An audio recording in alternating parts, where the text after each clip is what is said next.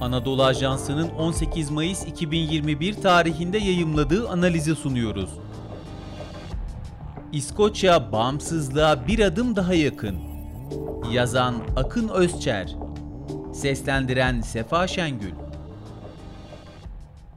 İskoçya'da 6 Mayıs'ta yapılan parlamento seçimleri bağımsızlık yanlısı iki partinin İskoç Ulusal Partisi ile Yeşillerin 129 sandalyeli Edinburgh Meclisi'nde salt çoğunluğa ulaşmasıyla sonuçlandı. Bu sonucu olağanüstü olarak niteleyen Başbakan ve İskoç Ulusal Partisi lideri Nicola Sturgeon, ikinci bağımsızlık referandumu konusunda adım atma kararlılığını dile getirmeyi ihmal etmedi. Sturgeon ilk iş olarak pandemiden çıkışla ekonomik ve sosyal konulara ağırlık vereceğini, daha sonra da İskoçların geleceklerini belirleme hakkını kullanmaları için çalışacağını açıkladı.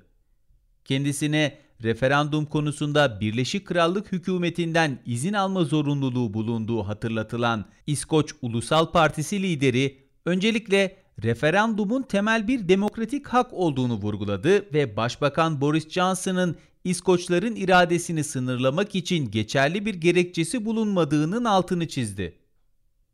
İskoçya Birleşik Krallık'tan hukuken ayrılabilir mi? Kabul etmek gerekir ki Birleşik Krallık'ın Avrupa Birliği'nden ayrılması, İskoç seçmenin iradesine karşı bir gelişme olması bir yana, İskoçya'nın Birleşik Krallık'tan ayrılmasını da hukuken kolaylaştırıyor. Birleşmiş Milletler'in temel ilkelerinden biri halkların geleceklerini belirleme hakkı kuşkusuz. Ama bu konuda uluslararası hukukun bir sınırlaması var. O da Katalan sorunuyla ilgili yazılarımızda altını çizmiş olduğumuz gibi bu hakkın kullanılmasının ulusal birlik ve ülke bütünlüğünü bozmaması. Bu bağlamda Birleşmiş Milletler Genel Kurulu'nun 14 Aralık 1960 tarihli 1514 sayılı sömürge halklarına bağımsızlık bildirgesi başlıklı ilke kararı önem taşıyor. Bu karar adından da anlaşılacağı gibi geleceğini belirleme hakkını esas itibarıyla sömürge altındaki halklarla sınırlıyor. Somut olarak 6. maddesi ulusal birliğin ve ülke bütünlüğünün kısmen ya da tamamen bozulmasını amaçlayan herhangi bir girişimin Birleşmiş Milletler Yasasına aykırı olduğunu hükme bağlıyor. Genel kurulun bu temel ilkeyi teyit eden birçok kararı daha var. Bu ilke ayrıca Helsinki Nihai Senedi'nde 1989 Viyana belgesinde, 1990 Paris Çartı'nda ve 1991 Moskova belgesinde de benimsenmiş bulunuyor. Ne var ki İskoçya'nın hukuki statüsü her ne kadar Katalan milliyetçiler İskoçya'yı örnek alıyorlarsa da Katalonya'nınkinden çok farklı. Katalonya'nın özellik statüsü İspanyol Anayasası'nın ikinci maddesinden kaynaklanıyor. Başka bir deyişle söz konusu özellik hakkı tek taraflı olarak merkezden Katalonya'ya devredilmiş bir hak niteliğinde. O bakımdan Katalonya'nın İspanya'nın rızası olmadan bağımsızlık ilan etmesi mümkün değil. Özerk topluluk sınırları içinde tek taraflı referandum düzenlemesi de öyle. Buna karşılık İskoçya açısından aynı şeyi söylemek mümkün değil. Çünkü İskoçya, Birleşik Krallığı oluşturan dört kurucu ulustan biri. İskoçya bağımsız bir krallıkken 1706 yılında İngiltere Krallığı'yla imzalanan Birlik Anlaşması'nın ertesi yıl iki ülke parlamentolarınca onaylanması sonucu oluşan Büyük Britanya Krallığı'nın iki tarafından biri. Bu birlik 1603'te iki krallık arasında tahtların birleştirilmesinin devamı olarak öngörülmüş olsa ve ayrılmayı önleme amacı taşımış olsa da ortada iki egemen tarafın bulunduğu aşikar.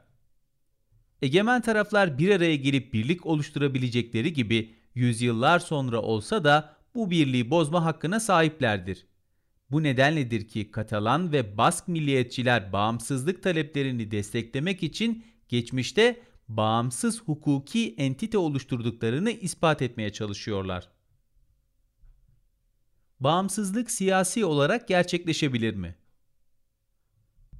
Le Monde'un konuyla ilgili Boris Johnson İskoç tuzağında başlıklı başyazısında altı çizildiği gibi İskoç seçimlerinin sonucu Avrupa Birliği ile son anda sağlanan anlaşmayla Brexit dosyasını her ne kadar gümrük prosedürleri, balıkçılık gibi henüz çözüm bulunamamış sorunlar olsa da iyi kötü kapatmayı başaran Başbakan Boris Johnson'ı sıkıntıya sokmuş bulunuyor. Kaldı ki başını ağrıtan ayrılıkçılık sorunu sadece İskoçya ile sınırlı değil. Kuzey İrlanda'da da benzer bir durum var. Johnson'ı asıl rahatsız eden şey Avrupa Birliği üyeliğine karşı yaslandığı milliyetçi ideoloji ve kullandığı söylemin aynısının şimdi İskoçya ve Kuzey İrlanda'da Birleşik Krallığa karşı harekete geçirilmiş olması. Bu noktada akla gelen soru şu. Birleşik Krallık Avrupa Birliği üyesi olarak kalsaydı İskoç ve İrlanda milliyetçiliği daha kolay dizginlenebilir miydi? Bu soruyu yanıtlamak kolay değil ama Le Monde'un altını çizdiği üzere bugün İskoçya'nın Birleşik Krallık'tan bağımsızlığı siyasi ve özellikle ekonomik nedenlerle hiç kolay değil. Ama Johnson'ın da ikinci bağımsızlık referandumuna uzun süre direnmek için kullanabileceği kozu yok. Çünkü bu konuda İspanya'da olduğu gibi anayasal bir zorunluluk da bulunmuyor. Boris Johnson önünde sonunda İskoç referandumuna izin vermek durumunda kalabilir. İlk halk oylamasında Avrupa Birliği üyeliğinin bağımsızlık arzusunu bastırdığı ve Brexit'in sadece İskoçya'da değil Birleşik Krallığı oluşturan tüm kurucu uluslarda milliyetçi ideolojileri körüklemiş olduğu dikkate alındığında bağımsızlık yanlılarının artık sandıktan çıkma olasılığının güçlendiğini kabul etmek gerekir. Bugüne kadar akla gelmemiş olan böyle bir durum Birleşik Krallığın giderek bölünmesinin başlangıcı olabilir mi? Bu soruya ciddi bir yanıt vermek için henüz çok erken. Ama 1815 Viyana Kongresi'nden itibaren bir yüzyılı aşkın bir döneme damgasını vurmuş olan Birleşik Krallığın dünya liderliğinden bugün nasıl eser kalmadıysa uzun vadede her şey değişebilir kuşkusuz. Bu belki de dünyamız ve özellikle Filistinliler gibi o dönemden kalan sorunları hala yaşayan halklar için çok daha hayırlı olabilir.